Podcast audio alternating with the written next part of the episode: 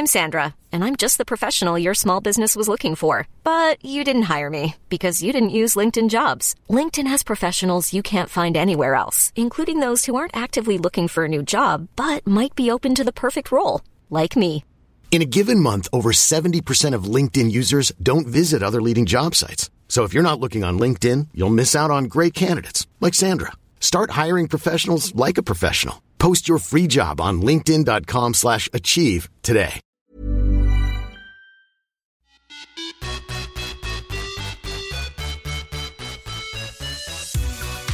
Hej och välkomna till Viss och Svärm on the run. Och det här är ju första avsnittet 2020.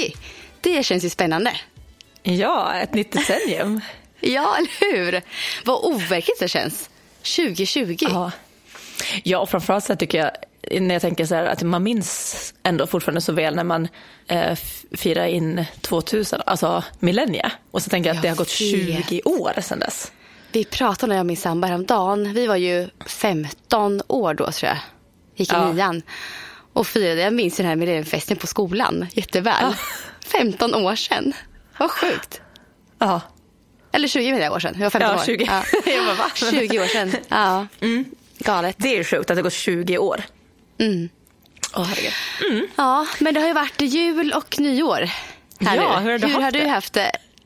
Det var så, jag har saknat dig. Jag känner att vi har inte pratat på länge. Ja, jag känner likadant. Vad skönt att se och höra dig igen. Vi har haft det jättebra. Uh, vi, med julen, vi, vi åkte upp till Luleå. Vi fick snö. Jag var lite orolig att det skulle inte bli, för det hade tö bort. Men det var lite snö, så, så pass mycket så att det räckte liksom, så här för att barnen kunde åka pulka på dagen och man fick lite Ja. extra julstämning. Och vi tog det verkligen bara lugnt och hade det supermysigt med Lasses familj. Så, ja, så det var verkligen så här en jul eh, så som, så som jag gillar det. Ja. Det behövs inte så mycket mer än så här, typ bra sällskap, god mat. Jag hade en bok som jag läste ut under, under den veckan vi var där uppe. Alltså så här, man hinner verkligen bara vara och ta det lugnt. Mm, vad mysigt. Julen handlar ju om att bara vara med dem nära och kära och, och vila upp sig. Det är väl så man vill ha julen nästan. Ja. Och ni då? Vi, eh, ja, vi, hade, vi har haft det väldigt lugnt vi också. Eh, vi har varit hemma i Motala med svärfar, svärmor, mina föräldrar, kusiner till barnen, syskon, eh, Oj, kompisar. Ja, vi har ju hängt alltså, med ganska många, men olika dagar. Men det har varit eh, eh, veckor med mycket häng, kan man säga. Eh, och skridskor, fikat, ätit god mat. Ja, haft det mysigt liksom. Så att, eh, ja, men jag är väldigt nöjd. Men nu känner jag så här att jag blir lite rastlös. nu vill Ja. jag liksom dra igång. Och det här, jag gillar lite det här, den nystartskänslan av ett nytt år. Vissa gillar inte den känslan, men jag gillar det här att Ja, nu det är det nytt år och nystart. Men det är som att man bara får en, ett blankt blad. Alltså bara så här, Ja, och får fylla det med vad man vill. Och man blir så inspirerad till att fylla det med vad man vill. Så jag tycker att man reflekterar ganska mycket om så här, vad vill jag göra och sådär. Sen håller det inte alltid i sig så länge. Men jag tycker det är ändå bra att liksom stanna upp lite och, så och fundera så här, vad, vad, vad vill jag? För det kommer lite lättare till en tycker jag. Ja. Vid nyår. Ja, för annars är man inne i det här liksom, ekorrhjulet och jobbet och skola för barnen och allt där bara går dagarna. Men nu så här landar man och tar det lugnt en period så blir man så här, hmm, börjar fundera mycket på saker och sätter upp egna lite mål och så för sig själv inför ja, 2020. Men det ska vi inte prata om idag. Nej, Utan det kommer ska- nästa, nästa, så ska vi, nästa avsnitt så tänkte vi för det är så här, blicka in mot våra mål och förhoppningar lite för Ja. 2020. Ja, verkligen. Men nu har vi något helt annat att prata om och jag är så exalterad och jag har verkligen känt så nu att nu vill jag liksom prata ut om det här ordentligt. Vi har fått hållit tyst om det här. Vad är det jag pratar om Sara? Det ska bli så skönt för mig också. Nej men så här. Jag har ju varit sjuk mycket under hösten och det är ju inte riktigt hela sanningen. Utan jag är ju faktiskt gravid igen. Ja! Ja, är så Ja. fantastiskt. Så det Fasiken vad gött, vad härligt. Ja, ja men jag är verkligen så glad, så tacksam för att få göra det här igen. Eh, förväntansfull, men också trött. trött, Ja. trött, trött. Illamående har det varit. Alltså jag har haft, jag har haft, haft en väldigt tuff höst. Mm. Och jag har försökt hålla skenet uppe och försöka hålla så här, för man vill ju inte riktigt så här man vill ju inte gå ut med det direkt utan man vill ju kanske hålla det lite för sig själv och de närmaste. Mm. Eh, och så. Men det känns otroligt skönt nu att verkligen gå ut med det i och med att vi också har ett sånt jobb där vi delar med oss ganska mycket om oss själva, om vår träning, om så här. Och jag är så dålig på att, på att ljuga. Ja. Och även om det inte är lögner. Ja, mm. och även om det inte är så här lögner, att jag så sitter och ljuger rakt ut, men att undanhålla också. Framförallt har jag märkt det på, på min Eh, inspiration till att vara aktiv på sociala medier. Det blir ju mer som att jag gått, gått tillbaka. Utan för att jag orkar inte skriva om träning när jag inte har tränat. Jag orkar inte skriva om så här, och så vill jag inte skriva varför, eller jag vill inte skriva att jag är nere heller, för då blir folk oroliga eller sådär. Mm. Så då blir det bara som att jag har bara backat och inte orkat alls. Och nästan mm. tyckt att det var jobbigt. Jag kan verkligen förstå den känslan. Mm. Nu har jag, man vill ju dela jag, sig. Jag var inte aktiv i sociala medier när jag var gravid. Men jag känner att när man har haft perioder man är sjuk och så, så är det samma sak. Att man kommer in i det här, man vill inte ens prata då om någonting som man inte gör. Alltså, Nej, exakt. Man är så oinspirerad själv att göra ja. det. Och att man måste nästan hitta på så här andra sätt att skriva om, typ så här, åh vad tränar ni? Och så här, för, att, för att jag vill som sagt inte ljuga. Jag vill inte skriva så här, idag har jag tränat det här fast jag inte har gjort det. Mm. För det, så Nej. kan jag inte göra. Men då blir det så här, åh, vad ser ni fram emot med eh, årets träning? Eller vad gör ni? Alltså så här. Mm. Och det blir också så här tröttsamt i längden att bara, bara att lägga ut nästan bara för att inte försvinna helt. Ja, Ja, jag förstår det. Men skönt för dig att kunna släppa på det här nu. Och nu kan du liksom öppet prata om hur du känner. Ja, Ja, verkligen. Istället. Det blir en skön grej som du kan få stöttning i istället nu ja. framöver.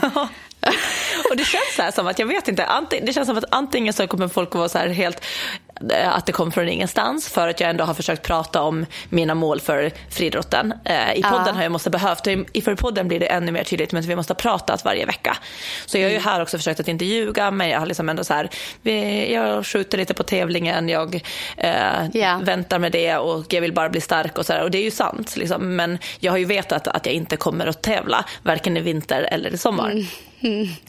Men, eller så känns det som att andra halvan är så här att de visste det. Alltså, ja. Så känner jag att det känns som att, att många kanske har det på känn också i och med att jag har varit lite inaktiv. Liksom. Ja, och så har du en son som är, vad blir han nu, tre är han nu? Han fyller, ja precis. Han fyller, vi, ja. vi spelar ju in det här lite tidigare än vad det släpps så att han fyller tre imorgon. Ja, imorgon till och med. Ja. ja. Och då tänker många så här, hon har ett treårigt barn så kanske ja. snart blir det också kanske en till om man nu vill ha fler än ett barn. Vilket mm. alla inte vill ha. Men det är liksom så folk brukar tänka. Mm. Men alltså vilken vecka är du i nu? Eh, när det här släpps, eh, då går jag precis in i vecka 17.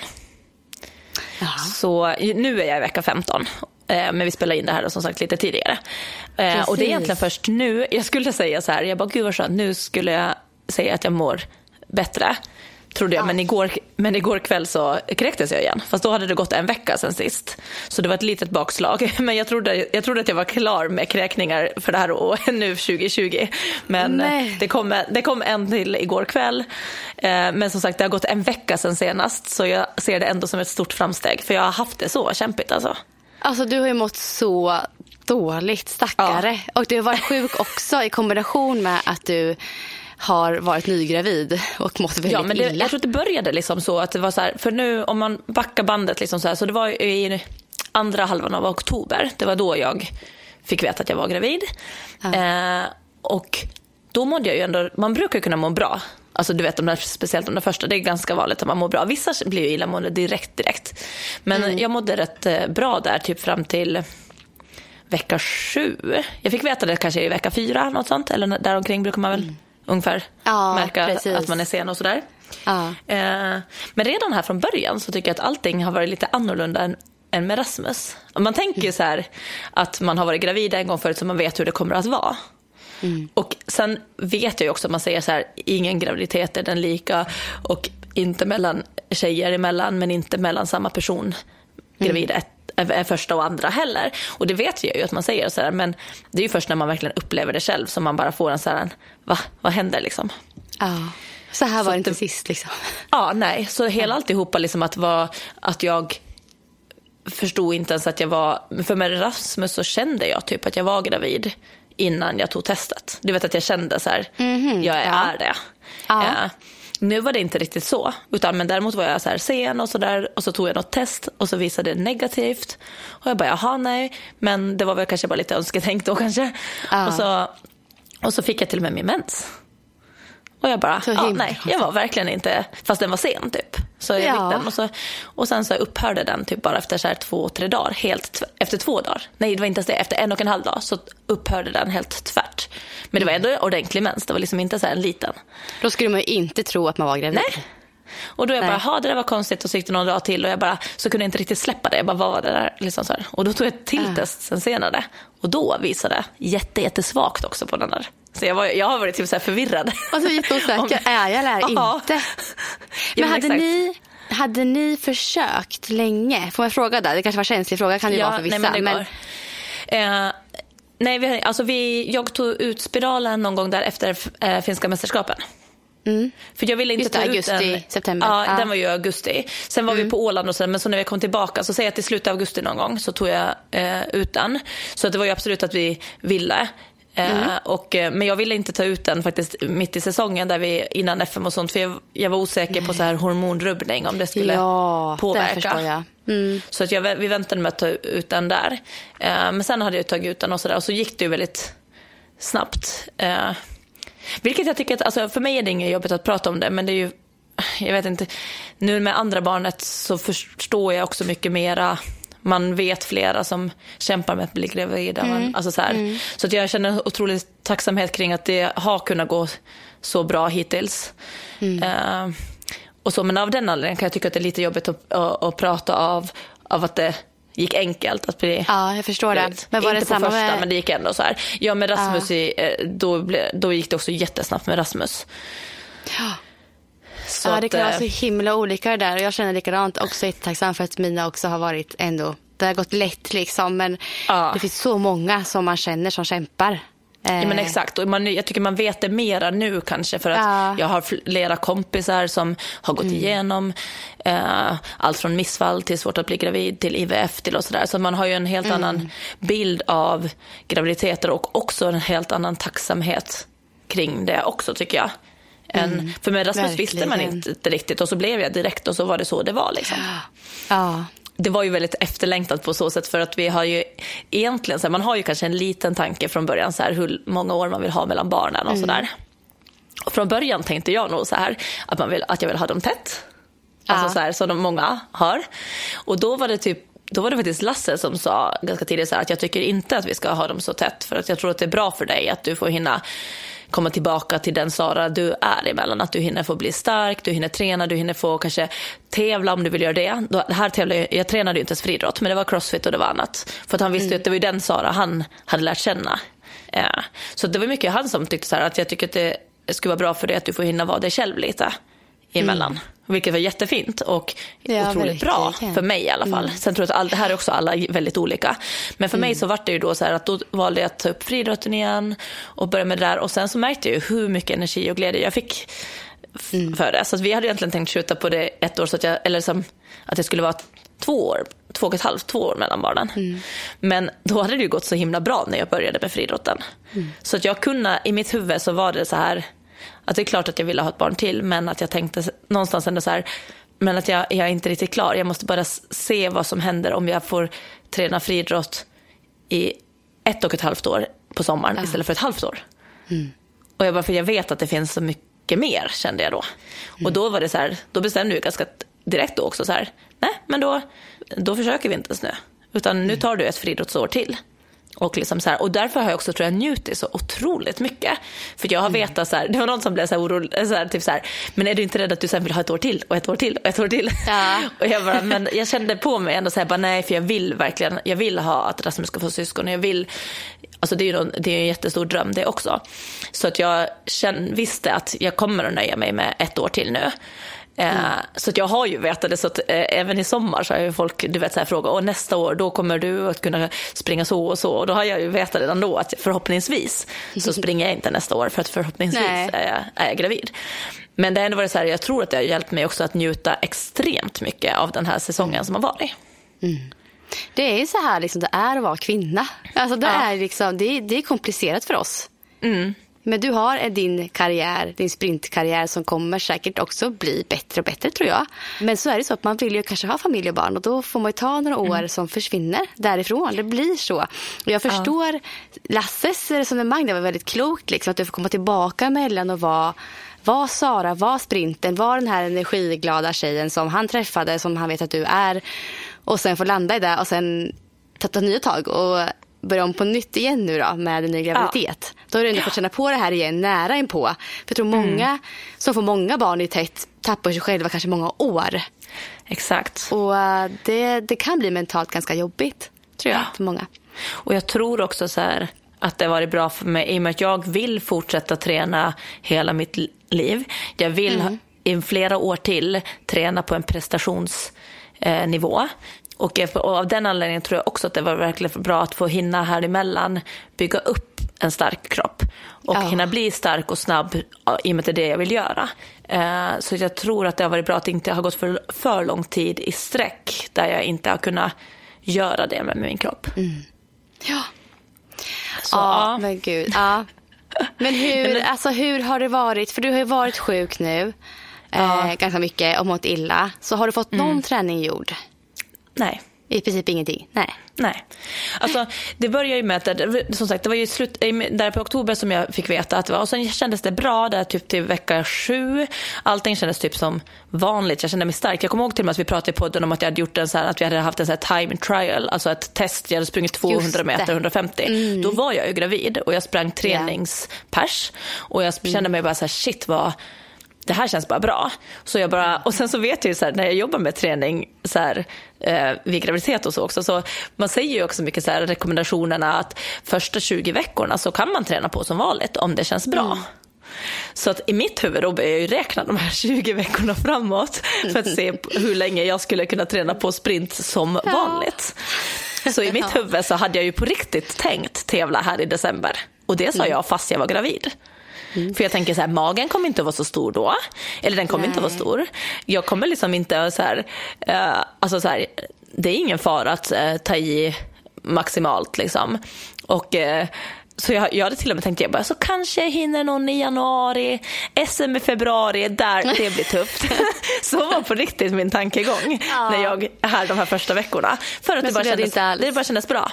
Mm. Och sen mm. blev jag sjuk på riktigt. Jag fick halsont och här, och då var det som i samband med att jag blev sjuk så kom illamående som en brev på posten. Och då tänkte jag så här, ah, okej okay, men det kanske är att jag mår illa nu för att det blir också en mycket mer trötthet när man är sjuk.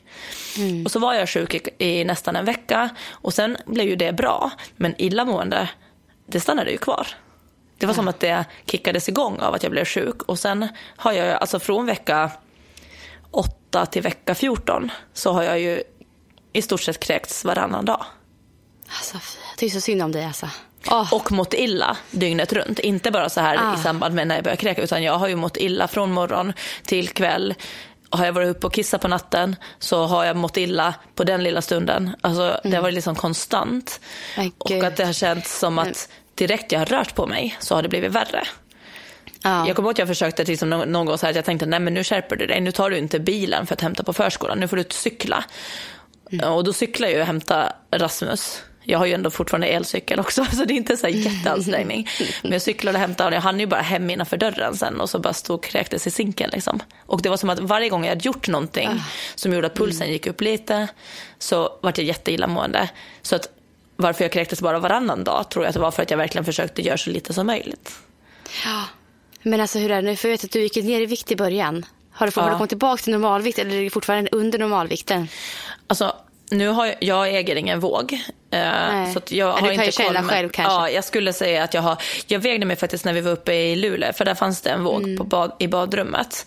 Och alltså enligt den när jag hade den första inskrivningen hos barnmorskan. Jag brukar väga ungefär 64 mm. och då vägde jag in där på 62 och då hade jag ju mått illa i några veckor.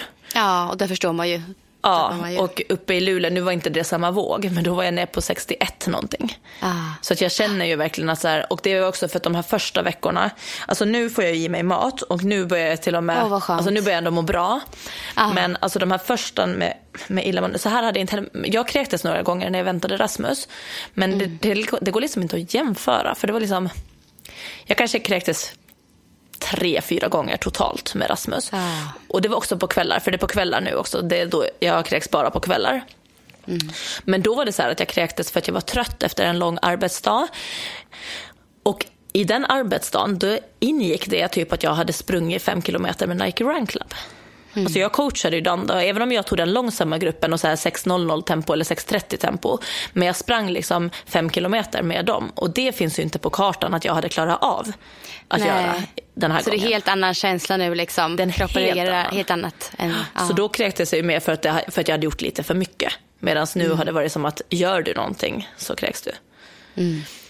Så, och det värsta tror jag också var där, det var inte bara att jag kräktes utan det var de där första veckorna. Att jag var så här, alltså på riktigt, det gick typ tre dagar där jag inte fick i mig något. Och så, alltså då menar jag, jag fick i mig lite, lite te med honung. Men du vet, man känner hur man bara försvinner. Och sen efter det... Ja, och sen att du inte tränar så musklerna försvinner ju med. Det är ju där. Ja. ja. Och sen efter de där tre dagarna som var värst, då var det så här att jag fick i mig frukost. Och sen vissa dagar ingenting mer än det. Ibland fick jag så här att jag kunde få i mig, alltså jag skulle inte kalla det craving, för craving är ju när man verkligen blir sugen på någonting. Ja. Utan det var snarare tvär, så här, det här kan funka idag. Och då kunde det vara så här, ostbågar. Så åt jag frukost och sen så åt jag ostbågar lite under dagen. Och sen nästa dag funkar inte det. Och då kunde det vara antingen bara frukost igen eller så var det att jag hittade ja, men, någonting annat som funkade. Men mm. alltså, det var så lite mat första tiden. Sen kanske efter tre veckor, då kunde jag börja äta frukost och lunch. Mm. Och med Rasmus var det också så här att då kunde jag äta bra frukost och bra lunch och så fick det bli lite vad det blev på kvällen. Att sen om det bara blev yoghurt eller mackor eller så då fick mm. det vara så. Och nu hade bara så här, hade jag kunnat äta yoghurt och mackor då hade jag, då hade jag inte brytt mig. Alltså, Nej, då hade jag varit, då hade jag varit, ja, jag hade varit nöjd för då hade jag ändå fått i mig någonting. Utan nu har det varit så här, och när jag har försökt, det var Lasse kom och frågade så här, kan du tänka dig det här, det här och börja räkna upp så här glass och grejer. Och jag bara, mm. jag bara, jag fick springa till toaletten för att han ja, pratade tänka, tänka. om ja. mat. Så det var ju bara, jag bara nej. Och sen nu typ sen kanske vecka 8 till 14, då har jag ändå kanske så fått, men då har jag börjat få i mig mat. Men det är inte så här att det har varit gott. Eller nej någonting. Men det, det var typ bästa julklappen. Bästa julklappen mm. var typ att ungefär vid julafton, då började jag kunna äta middag. Mm. Och då kändes det så här, och att jag till och med började kunna så här, mm det här var gott, mm det här smakade bra. Uh. Och, så här, och jag bara, då inser jag så här, alltså shit vad jag älskar mat. Och att kunna äta. ja. Alltså. ja, alltså det, det blir så tråkigt när man inte är sugen på mat. Nej. Alltså, det blir ingen rolig vardag då. Det är det man ser fram emot ofta, äta, ja. att man ska äta liksom. så man, så ja men exakt, sugen. och att det är nästan inte så här, man, alltså det är nästan bara en sån här, man drar sig för att ens börja fundera på vad man ska ah. försöka få i sig. Så att nej, så nu är jag ändå så här, nu har jag bättre aptit och jag kan äta alla måltider. Uh, jag mår illa ibland fortfarande jag är fortfarande trött och jag har försökt, under jullovet så har jag nu försökt lite så här, jag var typ ute och joggade två kvarter Mm. Eh, och det var så härligt, jag kände att jag blev så lycklig och så glad av det. Men sen kan det ändå vara så att efter jag gjort någon typ av sån grej så behöver jag typ sova två timmar. Alltså ja. att det, det, tar helt ja. slut. Så jag är mm. fortfarande inte i att jag tränar, men det börjar ändå känna så här. Jag var ute och gick en så här sex kilometer också. Det, det har inte funnits förut heller. Men det kanske kommer hålla på att vända lite här nu så du får må lite bättre och börja äta lite mer. Och då kan du säkert också röra på dig mer och mer, orka, orka ja. med där liksom. Det hänger ihop, ja, det hänger såklart. ihop tänker jag. Precis. Ja, precis. Men gud, jag tänker så här, för du har ju två barn. Upplevde mm. du dina graviditeter liksom likadana eller hade du liksom lättare med första eller andra eller så? Ja, alltså vad jag kan minnas så var det faktiskt ganska lika med mina. Mm. Det var ingen större skillnad. Jag är sån som nästan inte mådde illa. Alltså jag mådde lite småilla. Jag spydde ingenting på någon av dem. Liksom. Nej. Eh, jag mådde ju lite illa när jag kände lukten av os, matos och kaffe gick ju inte. Liksom så. Nej. Men värre än så var det ju inte. Aptiten var väl lite sämre då också. Och jag, eh, ja, jag gick nog också ner lite vikt första veckorna för att jag mådde lite illa liksom hela tiden. Men eh, sen vände det så fort så mådde jag faktiskt väldigt bra vad jag kan minnas. Från vecka åtta kanske fram till veck, nästa vecka 20, vecka 18 någonstans där. Då var det så här, då mådde jag väldigt bra hela tiden. Eh, och kunde vara aktiv och springa och så här. Men sen mellan vecka 15 och 20 någonstans där var det 17, 18 någonstans. Då så med båda mina graviditeter så började jag få jättemycket sammandragningar. Det är ju väldigt tidigt. Och det var inga små, det var, hela magen blev stenhård liksom. Eh, så fort mm. de bara tog på den, så fort det bara gick lite för fort.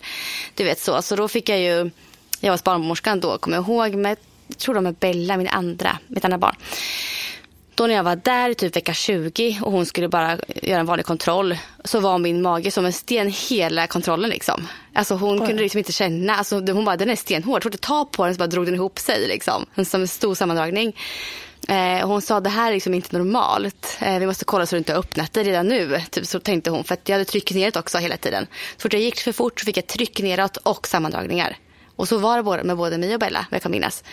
Så jag gjorde massa extra kontroller så jag inte hade öppnats upp. Men det hade jag inte gjort liksom. Det bara var så. Jag hade någon ganska känslig livmoder eller någonting troligtvis.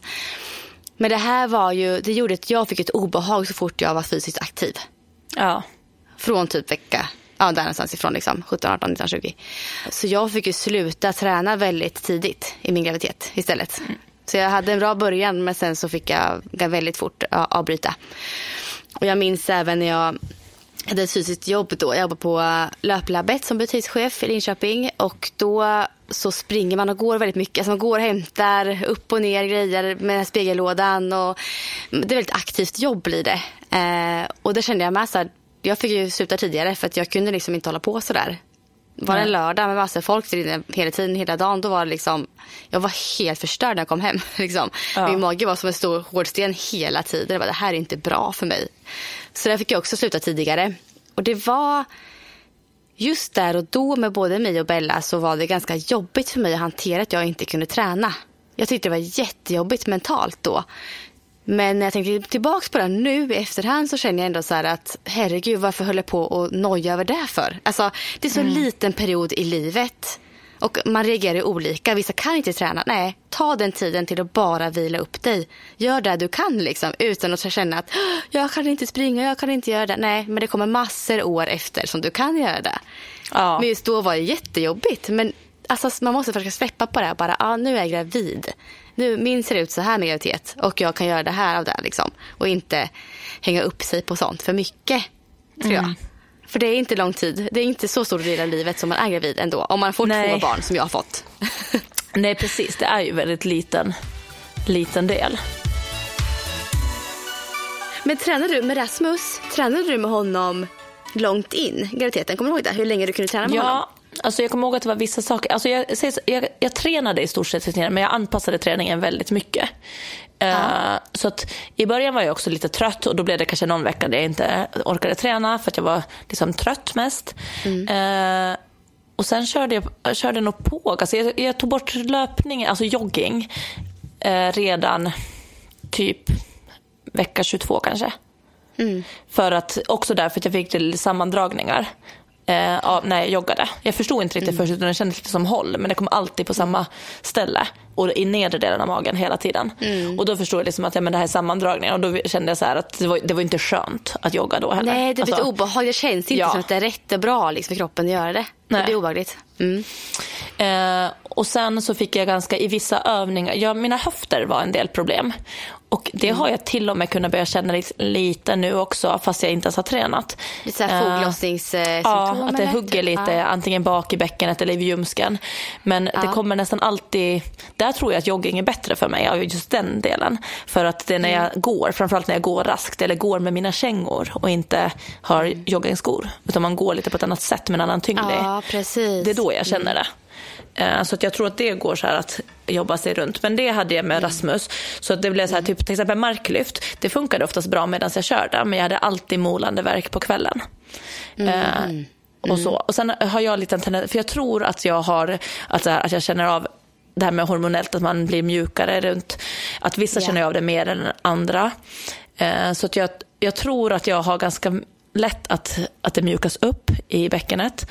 Eh, men att jag har ganska mycket muskler som vill hjälpa ah. till så att de stabiliserar upp istället. Men det gör också att jag blir väldigt stel och får då också så här en verk eller så här att det liksom, ja, man så att jag får ont muskulärt Ja, i, i musklerna runt höften. Min teori är att det är att de kompenserar för ett mindre stabilt bäcken. Så kan det ju verkligen vara. Och så går de nästan i kramp. Så, här, så jag kommer ihåg att jag fick hålla på mycket med så här, triggerboll och hålla på och försöka massera upp för att jag fick så här, jag var nästan krampaktigt och att det liksom verkligen molade. Men det kändes mer muskulärt än i själva bäckenet liksom då. Så jag, jag tror att där, så, så marklyft och sånt åkte också ganska snabbt. Det tror jag var redan kanske vecka 16 eller någonting sånt. Ja. Och så, men sen kunde jag liksom träna på jag tränade ju då liksom inte så, jag hade ju inte så målinriktat som jag, nu är det ju verkligen sprinten som gäller. Det här känns så länge sedan, jag tänker tillbaka, Rasmus är ändå bara tre, men alltså jag tänker hur livet såg ut innan, eller träningen framförallt, jag höll ju inte på med friidrott. Jag hade, Nej. precis när jag fick veta det att crossfit? Ja, jag hade tävlat i crossfit där tidigt, innan jag visste att jag var gravid. Så jag hade tävlat i en lagtävling i Falun och jag hade liksom så här kört mitt livs bästa crossfit open det året. Och jag var verkligen så här, du vet, jag var liksom i crossfit men jag var ändå inte heller så här att åh, nu ska jag tillbaka till crossfiten efter graviditeten. Utan jag var lite Nej. mer så här, nu får vi se vad jag vill. Och det är lite annan inställning till liksom då, när, för då var det som att jag tränade på det som gick bara och det spelar inte så stor roll. Nu känner jag ju lite mer det här att jag vill, håll, jag vill bibehålla sprinten så mycket som möjligt för jag vet ju att jag vill tillbaka. Och då blir jag kanske lite mer stressad av, av att inte kunna träna specifikt och det kommer jag inte att kunna göra heller här i slutet på graviditeten för det är för hög belastning, liksom sprint och hopp och den typ av. Så det kan jag inte. Men jag hade ju räknat med att kunna träna hela här. Jag hela hösten. Så av den anledningen kan jag känna så lite så här, inte stressad, men du förstår att jag är lite så här, oj, det här hade jag inte räknat med. Nej, och det här kommer du säkert inse sen ett år efter att den här nya är född. Liksom att den där perioden gjorde inte så mycket. Nej. De veckorna var inte avgörande på något sätt. Nej. Men det känns ju lite jobbigt där och då. Förstår jag. För det var väl största anledningen att där tränar jag bara liksom det som funkade hela tiden. Och det måste jag hitta tillbaka. Jag måste hitta tillbaka till det mindsetet. Ja. Att bara släppa sprinten redan nu. Att inte tänka att jag ska försöka hinna träna lite sprint till innan det är för sent. Utan det, nu vill jag ju bara tillbaka till att kunna röra på mig som en vanlig motionär. Alltså bara hålla igång och hellre att det blir två, tre lugna pass i veckan än att det inte kommer bli någonting alls. Det är typ det jag hoppas på att kunna Alltså bara, bara så liksom aktivera mina muskler, för jag känner verkligen mina benmuskler nu. Alltså de är bara så här, byxorna är liksom, de börjar bli lite, lite tajta i midjan, men inte mycket. Däremot är de så här lösa i låren. Ja.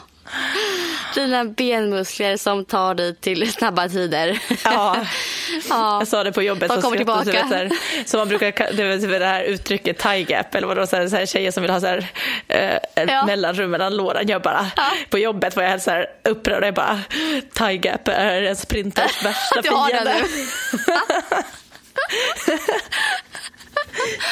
Åh, gud. Ja, gud. Men nu hoppas jag att det vänder, att jag ska i alla fall som sagt bara kunna få träna på som vanligt i alla fall. Alltså inte som vanligt, men alltså som träna. Ja, så du kan göra någonting liksom, för att bygga Ja. upp kroppen och bi- bibehålla. Ja. Ja, Men det där funderar jag. också så här, alltså nu, det är ju lite längre fram nu, men det är ändå intressant att prata med dig som har två. Mm. Eh, hur, hur, tycker du, hur stor typ, skillnad var det att gå från ett barn till två barn? Alltså, ärligt, ärligt talat. ja, jag ska vara ärlig. Ja. Eh, alltså ett barn, alltså så här var det. För, för oss var det, så här, det var så, alltså vi var ganska unga när vi fick Mio, då var vi 26 år. Och då tror jag att jag var inte helt redo för att få barn. Alltså första barnet var väldigt chockartat för oss, båda två tror jag. Men var det Eh, planerat liksom? Ja, det var det. Men Mm. det var så här månaden innan liksom. Så bara, vet, jag var jättesugen på att få barn för min tvillingsyster hade fått barn året innan. Och jag tror hon påverkade mig jättemycket. Jag vill också ha barn. Så här. Och vi träffades bara året innan jag och Stefan, min sambo. Så det var inte alls självklart att vi skulle försöka ens. Men vi sa det, nej men gud, vi vill ju ha liksom. Så då så sa vi att vi slutar för att se vad som händer i alla fall. Liksom. Ja, så går det fyra veckor så är jag gravid liksom. Eh, det var- och vi vart ja. sådär, ja direkt. Det var så chockartat. Jag bara, men gud, ska vi klara av det här? Vad var just in på? Eh, men vi ville ju såklart, alltså jättegärna. Men när Mio kom till världen så blev det faktiskt, det var chockartat, det var tufft tyckte jag. Eh, jag var inte alls den här som tog mig an honom som jag hade velat från början. Så starkt som vissa förklarar och beskriver. Eh, mm. Så bara första känslan var också jobbig för mig. Jag grät inte när han föddes. Min sambo grät Floder. Han var lite överlycklig och helt jätterörd. Och jag var inte rörd först när han kom till världen. Jag bara, men vad känner jag inte mer för? Och fick det här lite skuldkänslor och så över det. Och sen funkade inte amningen som den skulle. Och, eh, så han skrek jättemycket första veckorna och vi fick ta till ersättning till slut för det här kommer inte gå liksom. Eh, och han var en bebis som var väldigt krävande. Eh, så det var mycket bärsele och du vet så här, och barnmorska första, första mötet med barnmorskan mellan mig och henne var att hon bara, det här blir en livlig bebis ni. Och skrattade hon lite så här, bara, jo vi förstår det. Så här, du får inte säga det till oss. Eh, så det var väldigt mycket och därför så var den första förlossningen med honom var liksom, den var, den var tuff och första tiden var jättetuff. Så jämför den med när vår dotter föddes då så var vi, bered, vi var så beredda på liksom att vad som skulle komma och det värsta tänkte vi att skulle hända igen, liksom det här med amningen inte skulle ja. funka, allt det här. Så hon kom till världen och allt funkar jättebra med henne. Alltså hon var ganska krävande bebis också. Men allt funkar jättebra med amningen och jag var mycket mer mentalt där och redo för att få barn till. Eh, och i den perioden så var Mio två och ett halvt år och han hade blivit världens lugnaste kille vid det här laget. Alltså han var ju jättevild som bebis men sen vände det. Vid ett halvt år så blev han världens lugnaste lilla kille och hur snäll som helst. Så när Bella kom och allt föll på plats. Ja. Det är så du förklarar han i dagsläget också, att han är väldigt ja, lugn och mysig. han är ju det. Jag trodde inte vi från början att han skulle bli men alltså han är så himla lugn och gosig och snäll mot sin syster. Så att när hon kom till världen så blev det liksom inte det var lättare andra gången vi fick barn. Det var så. Mm. Däremot tänker vi nu så här, om vi hade haft bara Mio nu så hade vårt liv varit väldigt lugnt. För ja. vår dotter är ju i nuläget väldigt vild och liksom busig. Så att för oss så blev det inte, för oss blev det väldigt härligt och komplett på något vis. Jag tyckte att vi föll in i de rollerna som tvåbarnsföräldrar väldigt fort. Eh, det är säkert lite olika beroende på hur det ser ut. Men för oss var det bara en lättnad över att allt gick så bra. Ja. Eh, och funkade som det skulle den här gången. Och vi var mentalt mycket mer redo båda två för att få barn. Och Mio var så behjälplig och så fin med henne. Så att jag kan inte säga att det blev jättestor skillnad för oss. Ja, nej, faktiskt nej. inte. Den, eh, nästan snarare tvärtom. Eh, faktiskt. För, för jag tror att det är lite, lite så här om man tar så här nackdelen med att vänta, så här, ja. så här, nu är det inte, alltså inte länge, men Rasmus kommer vara tre och ett halvt, så det är ett år längre mm. än er då i alla fall. Det är ändå mm. så lite att Rasmus, jag var ju uppe mycket och, och uh, han ville äta varannan var tredje timme dygnet runt. Så var det typ våra också. ja, så det var ju så här att jag var uppe och ammade väldigt, väldigt mycket. Men sen när mm. vi slutade med nattamning, alltså då, det var, då var ju Rasmus typ sju, sju, åtta månader. Och då slutade vi med nattamningen och då, det gick så himla bra att sluta med den. Alltså det var så här, han fick gröt mm. på kvällen och sen så sov han för det var typ två nätter det tog där han sen insåg att han inte får någon mat. Mm. Och då så var det som att han bara inte vaknade mer. Och mm. i stort sett så har han ju från det till nu, alltså så här sovit från åtta på kvällen till sex på morgonen. Ah. Vilket jag har gjort att vill man själv få sin sömn så kan man ju få det genom att ändå gå och lägga sig i tid. Ah. Eh, och det har man ju blivit lite bortskämd. Nu vaknar han alltid på natten men han vaknar bara och tar med sitt täcke och kommer gående och kryper upp i vår säng. Så det är inte, mm. Och så somnar han om mellan oss. Mm. Så det har han fått för sig nu senaste tid att han kommer alltid mitt i natten. Men det är inte så jobbigt i och med att han är inte så här Nej, han, är, han inte skriker. Ja, exakt, det är mysigt. Man hör hur den mitt mm. att det är någon som tassar. Och så ja. Och så säger han hjälp mig och då är det täcket som man ska ta tag i. och sen så drar man upp hans täcke och så, och så somnar om mellan oss. Så ja. det är inget liksom problem. Och det, sådana där grejer, så här, man börjar bli lite bekväm med att man får mm. sova ganska bra. Han är inte lika sjuk längre som första året på förskolan. Han är så här, Nej, du vet, så här, och jag tänker att det också har hängt ihop med att min träning har gått bra senaste året. Mm. Att jag har kunnat sova i stort sett åtta timmar eh, varje natt. Och Ja. Det här då, att börja, när jag tänker på så här, nu ska vi tillbaka till, ja, till, till bebisbubblan och liksom veta att, att nu kommer min kropp verkligen så finnas till för någon annan, både under graviditeten och första tiden. Alltså det kommer bli ja. en, gå in igen liksom så här, där man inte kan prioritera sig själv på samma sätt och det vill jag inte göra heller. Eller, man vill ju ta hand om sig själv men det kommer ändå bli ett annat fokus. Och man ska ja. tillbaka till de här trötta, äh, trötta nätterna och kanske skriket ja, man vet liksom, inte vad det är för bebis som kommer. För vi, när, när vi har blivit gravid med Bella så var ju Mio inte så gammal. Alltså han var ju ett och ett halvt blir det ju ungefär när jag blev gravid med henne. Och då var vi fortfarande inne i det här såklart. Ja. Alltså att vi hade vakna nätter och han var en sån som sov dåligt långt in. Alltså tills han var två och ett halvt, kanske hon föddes typ, så sov ju han ganska dåligt. Så vi hade, var inne i det här liksom. Ja. Och bara fortsatte i det här egentligen när hon kom kan Ja. man ju säga. Så det är klart att det blir, hade han varit tre och ett halvt eller fyra när Bella hade kommit så hade det varit annorlunda. För då hade han varit den här lugna som han är nu och stabila och så kommer en skrikig bebis också. Ja. Det hade ju varit faktiskt en större liksom, skillnad såklart. Ja, precis. Omställning. Men jag har hunnit tanka, eller tanka energi och så, eh, tänker jag också. Så det kanske är bra att ni, är, att ni börjar om på ett sätt också. Ja. Och sen så tänker jag också nu att det är ju ändå så här skönt, det så här, Rasmus har ingen, han har ingen blöja längre, han har ingen sånt. han Nej, kommer att, om ett halvår kommer han bra kunna liksom klä på sig alla kläder själv och sånt. Så att på så sätt blir det ju liksom att jag tror att han kommer alltså, kunna hjälpa till lite. Inte så mycket, men alltså, du förstår vad jag precis. menar. Ja, ja men att det kommer kan du hämta garanterat. nappen, kan du hämta en blöja, alltså om det behövs lite sånt också. Att han Ja. förstår mera. Och förstår också så att det här är en bebis som jag måste ta hand om nu. Ja. Alltså väldigt mycket. För det kände jag när, när Bella kom att Mio blev jätteavundsjuk också efter en period och tyckte att mamma var bara, bara med henne liksom hela Ja. tiden. Så att det, var, ju- det kommer jag ihåg i och för sig var lite jobbigt och kämpigt. Just den biten med avundsjukan och samvetet man hade mot honom.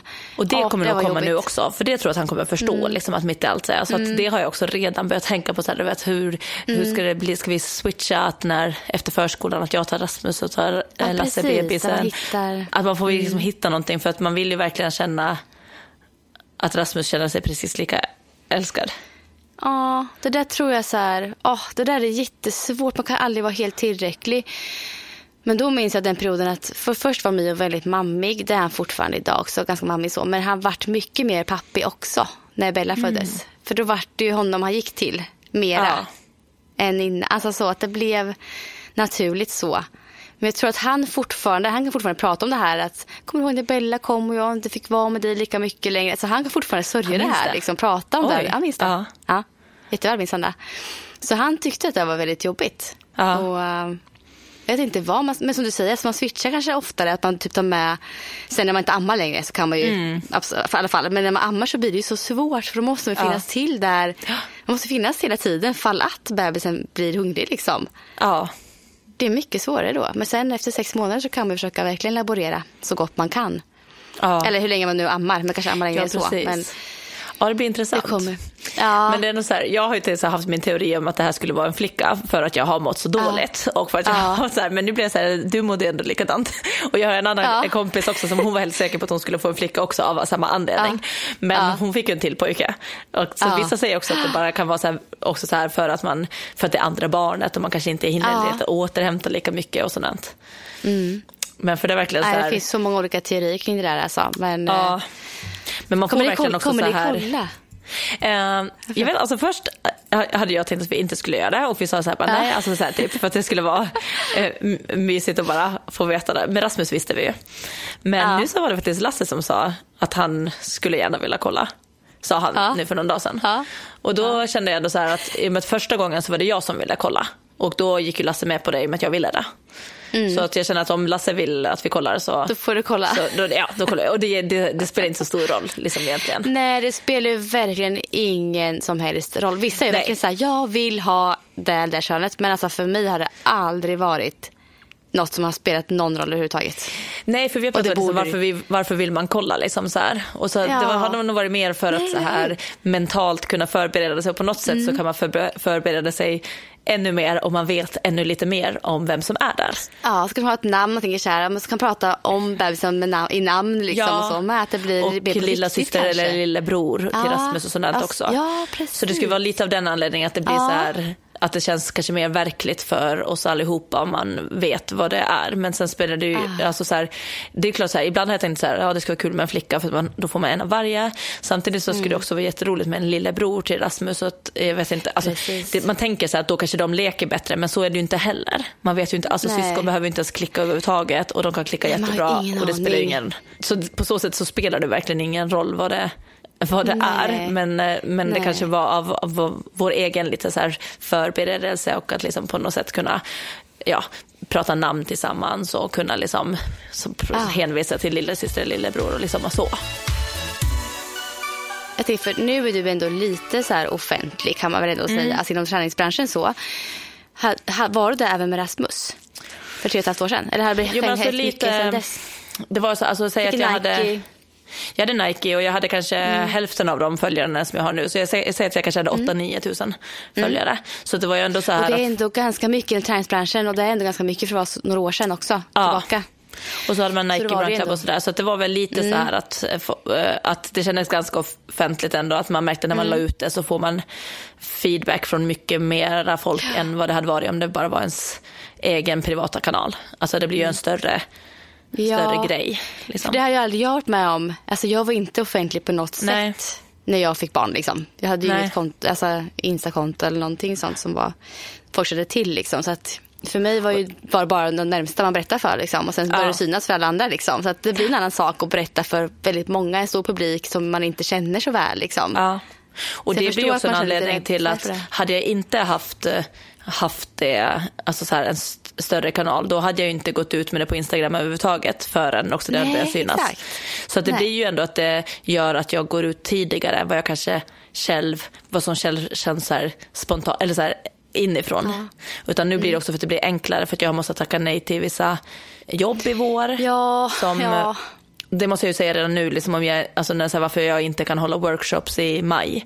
Eller hålla Mm. löpteknik. Alltså det vill säga, man kan inte, jag kan inte boka in saker. För nu, det här är ju nu beräknat, går allt som det ska så, så har vi ju en till bebis här vid 26 juni. Så Mm. helgen efter midsommar. Ja. Och då blir det ändå så här, det är ganska mycket som har redan velat bokas på i typ maj. Eh, eh, och, Men visst och får du under nu- våren. Ja, och du får typ avboka saker nu eller? Alltså så här, eller ställa in att du medverkar för vissa saker nu, tänker jag. Alltså Eller nu under hösten har jag ju fått ställa in PT-kunder på kvällen för det var Ja. så här, vissa dagar när jag måste dåligt, jag bara jag kommer inte att klara Mm. eh, jobba så jag har ju fått bokat av mycket men jag har ju alltid tänkt så här, det vänder snart, det vänder snart för jag tänkte att det skulle vända i vecka 12 som är vanligast. Att det, det står ju typ hela tiden så här, i vecka 12 brukar Mm. Ja, de flesta må bättre. hur? Ja. Ja, så jag tänkte ju hela tiden bara, men det släpper snart, det släpper snart. Så jag har ju typ bytt ihop hela. Och i efterhand så kanske man borde ha varit lite sjukskriven för att också få ersättning för det. För jag har ju bara jobbat mindre och tag, alltså Ja, fått faktiskt. fakturera mindre. Så jag har ju bara liksom avbokat Ja. och försökt ta mig igenom arbetsdagarna så bra som möjligt. Liksom. Mm. Men och också då, och när jag avbokar så har jag ju sagt att jag varit sjuk. Så jag har, jag har ju fått låtsas vara mer sjuk än vad jag är. Utan det var det så här, ja, jag är sjuk, jag är sjuk, jag är sjuk. Typ. Och så var det det här eventet som du hade alldeles nyligen med Stadium Ja. och Nike. Där Ja, var, gud. då mådde du inte så bra. Nej, och jag hade sån ångest inför det. Alltså, jag förstår det så Du mycket. visste ju det alltså. liksom, så här, men jag var bara, för det Ja. var ju verkligen så här att jag hade liksom verkligen kräks kvällen innan och jag hade så här, Ja. och där var det också så här att när jag tackade ja till det, då då, jag tror att jag visste att jag var gravid, men det var då när jag mådde så bra. Så jag bara, ja, ja men det, Ah. det spelar ingen roll. Det kommer inte att synas då. Och sen kommer det här, och så tänkte jag där också, du vet att jag var så, så många gånger beredd på att avboka och ställa in det. Men jag tänkte så här, jag ville ju så gärna göra det. Så att jag bara väntade och bara det kanske blir bättre, det kanske blir bättre. Och sen till sist är jag på samma vecka som det är. Och då känns det också så här för sent för att avboka för det känns taskigt mot hela eventet. Plus att jag ville ju fortfarande så jättegärna göra det. Jag visste att det var många som jag skulle träffa där och det var så här. Så att jag hade ju verkligen alltså, lite panik inför det. Ehm, och jag hade inte berättat för dem heller. Och det var ju det där med att vi skulle ha fyra pass på samma event. Och jag, Ja, bara, ja. jag har ju inte ens, alltså så mycket har jag inte ens rört på mig. Och jag trodde först att jag skulle måste köra hela passen själv. Så sen på morgonen, alltså på morgonen på dagen där, när jag pratade ihop mig med han, han Lars. Så jag bara, ska vi köra passen alla fyra gånger? Och då sa ju han som tur han bara, nej men, han bara, jag brukar köra passen med. Men i och med att vi ska göra det fyra gånger så tycker jag att det räcker med att vi bara visar lite övningar och sen går runt och uh, hejar och pushar på. Och det var ju min räddning. För hade han sagt att så här, vi ska köra dem, då hade jag måste berätta hur det är och fått be om att jag får kila iväg och peppa lite. Ja, Men då var det ändå okej, så jag berättade ju inte där då heller. Så jag gjorde ju det och sen så hade vi så här, det fanns mackor, det fanns mat. Mellan, för jag märkte också att jag måste få i mig lite mat hela tiden. Jag, det får inte gå som tre timmar utan för då blir jag illamående. Men så är det också så jag Men visste att alltså- jag kräks ju bara på kvällar så jag var inte orolig att jag skulle kräkas på Nej. eventet men jag var orolig att jag skulle typ svimma av att jag har ätit för litet och inte rört på mig Mm. så där mycket som jag skulle göra där. Alltså, jobbigt att ha det här och sen liksom också försöka vara trevlig mot Ja. de som är där är, och vara glad. och liksom lite så här, alltså, Det är ändå ett jobbuppdrag och då kan du inte, du kan inte stå där och vara trött. Du måste ju liksom ändå vara pigg och pusha och, alltså, och när man själv Ja. mår dåligt. Och hade jag sagt till någon annan så hade jag sagt så här, men gud du måste avboka det. Då hade jag sagt så här, du ska inte, alltså, du ska Ja. inte må så där. Och det är ju det rätta, så det är ingenting som jag, nu skrattar jag lite och så här, tycker att det var så här, ja alltså så här, att det blev en konstig grej. Men alltså egentligen borde jag ha avbokat, men det är någonting när man har tagit, tagit sig an någonting. Så att, alltså, det är mycket innan jag vill avboka saker. Eh, så att det var liksom så här, nu gick det, det gick bättre än vad jag trodde inför. Eh, men, så att, men ändå, jag mådde ju så dåligt mentalt av att jag visste att jag skulle ha det. Eh, så att det var inte, nej, det var inte optimalt. Och jag hoppas, jag tror inte att det märktes utåt, för jag tror att jag är ganska bra på att hålla ihop det. Eh, så. Folk som kanske vet exakt vilken energi jag brukar ha, de kanske skulle ha märkt det. Men annars tror jag, för jag kunde gå in och lägga mig och vila mellan varje pass och äta mackor och bara Ja, liksom ta mig. Men sen var det ju dagen efter var jag ju liksom helt förstörd. Alltså, det här är ju liksom lite säga, baksidan med att vara egen. Framför allt inom en aktiv en träningsbransch. Ja. Där man bara inte kastar in saker ibland. Man kan väl det, men oftast vill man ju inte göra det. Nej, för det är både liksom ekonomiskt, att det är liksom, oftast när det är större event så är det oftast bättre betalt också. Det är många som kommer dit. Jag visste att det var typ 300 anmälda. Jag vet att det var många från podden, från Instagram, från gamla PT-kunder som har skrivit att de såg fram emot det så mycket. Jag såg fram emot det extremt mycket. Eh, Ja. Och att det var också lite så här en ära att få göra eventet för Nike och Stadium. För de är ändå liksom två stora företag. Så det är också Ja, så här, man är ändå ja. glad för att få det uppdraget. Så att det Ja. blir som så mycket saker som gör att det tar emot att ställa in. Samtidigt är man också livrädd för att gå dit och göra ett dåligt jobb. Mm. För det är ju inte heller, alltså det kan ju också förstöra för en. Det blir tvärtom istället. Så, Ja, ja, nej, inte så det är väl lätt nackdel. alltså. Och det får man ju se med hela hur man kan jobba nu framöver. För det kommer jag ihåg att det var liksom med Rasmus också att, att även om jag kunde träna och så här, men att när man Alltså så att behöva visa övningar och det kunde ibland vara övningar som jag själv inte skulle ha valt att ha med i mitt pass längre. Men man Ja. behöver ändå, man kan ju inte begränsa saker till att, ba, att andra bara får göra det jag kan göra. Nej, det går ju inte. Det går ju inte. Men det där blir svårt då, för du, alltså för du, som du sa förut så, här, så måste du kunna alltså, sjukskriva dig, eller vad kallas det när man är gravid och får... eh, Ja, graviditetspenning. Det är ingen sjuk... Ja, precis. Det fick jag vet jag. Det fick, Men då jag var jag inte egenföretagare, då, jobbade jag, då var jag anställd. Men Ja, men, och det är typ kanske bara funkar. sista, vad kan det vara, 30 dagarna innan föräldraledigheten men som du kan få det. just det, ändå. Så det är bara på Mm. slutet. Jag fick det till, jag tror att jag hade 50 procent eller någonting. För då tog jag bort Nike Run Club där. I slutet på Nike Run Club så cyklade jag ju med. För jag kunde inte springa, Mm. Ja. men jag kunde fortfarande coacha Nej. på cykel. Men sen Mm. efter, när det var typ en och en halv månad kvar, då tog jag bort den helt och hållet. Och då hade jag sån Ja. Mm. graviditetspenning och så. Nej, så det är lite eh, knepigt, men podden kommer vi kunna köra på med. Det är perfekt. Prata kan du i alla fall göra. Om det inte är på kvällen när de är skitilla. Ja, och så ska vi hoppas att så här, det är också lite nervöst med så här, undrar vad ni poddlyssnare tänker och så här, vad ni tycker. Ja. Och det är så här, jag hoppas att, att eh, ni tycker att det är roligt, att ni inte tycker så här, att nej nu blir det tråkigt när jag inte kommer att tävla. jag hoppas att ni kommer att tycka det är kul att följa den här resan. Och som sagt, för långsiktigt så vill jag ju tillbaks till banan. Ja, och jag tror att det kan bli väldigt kul att lyssna på. Det ska, jag tycker det är väldigt kul att följa din graviditet, hur du kommer må, hur du kommer kunna träna. Det kommer bli jätte, jätte intressant att följa. Och jag tror att många lyssnare känner likadant. Jag tror vi har ju väldigt många kvinnliga lyssnare också. Ja, och som många har som varit har gravida, barn. som kanske är, eller som kanske ja, kommer bli. Så att, eh, ja, jättekul tycker jag. Ja. Så jag, jag får väl stå för den mest aktiva delen under 2020 kanske. Ja, Vi hoppas att min fot också lägger sig lite så att vi kan ja springa tänk mer. Om Men du, tänk om du är skadad och jag är preggo och så blir det bara... Lasse sa väl det. Lasse bara, Ja. du måste ju Josefin kunna träna på 2020. Annars blir det ingen träningspodd. Eh, Ja, nej, men det, är här, ehm, det är ju livet och det här ska ju handla om livet. Det här är och det här är ju livet, en exakt. jättestor del av eh, livet och det är livet som en tränande person. Och jag kommer att försöka dela med mig av mina tankar, både liksom så här när det känns lätt men också när det känns jobbigt. Eh, Och Mm. min längtan och drömmar och oro och alltså så här, jag kommer ju så här, men jag ska försöka också att det inte blir att jag bara pratar graviditet utan vi kommer fortfarande ha ämnen och sådana saker också så att det Ja, inte blir så här exakt. bara eh, mina graviditetskrämpor liksom. Det är inte så roligt att lyssna Vi på. kanske kan få in några intressanta liksom, eh, gäster i vår tänker jag också. Ja, olika ämnen och sådär. Men det är skönt att nu vet alla ni lyssnare också liksom varför, varför Ja, eller hur min vår kommer se ut. Och därför ville vi också släppa det här avsnittet före vi börjar prata om våra mål, mål och eh, förväntningar på 2020. För att jag känner att jag Ja. kunde inte spela in ett sånt avsnitt utan att få vara ärlig. För det känns jättemeningslöst för mig att sitta och prata om ett 2020 som jag vet att det inte kommer att vara. Nej men exakt. Så nu, men däremot har jag planer och jag har drömmar och förhoppningar.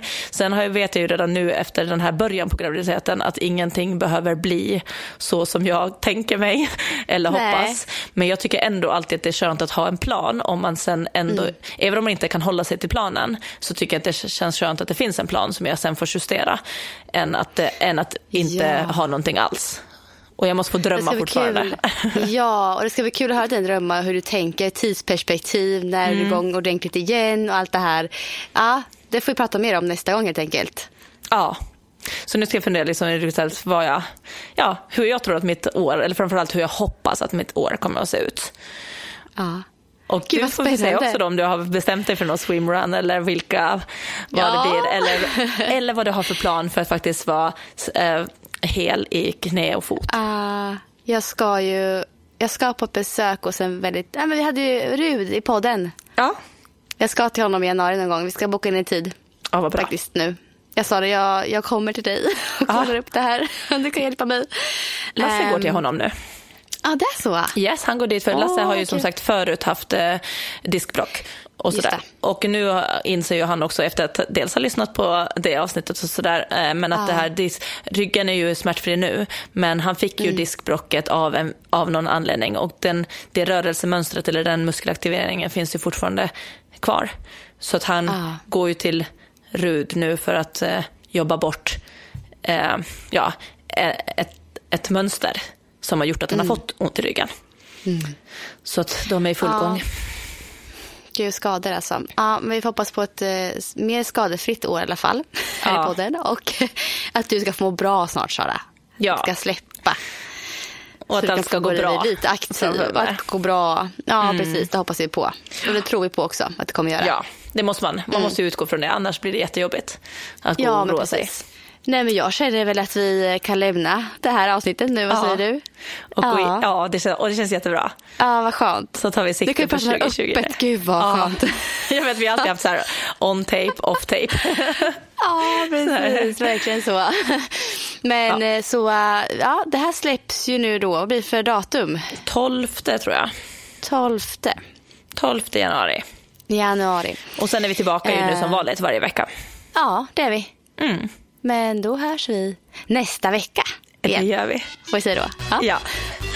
Ha det så bra. Hej Hej.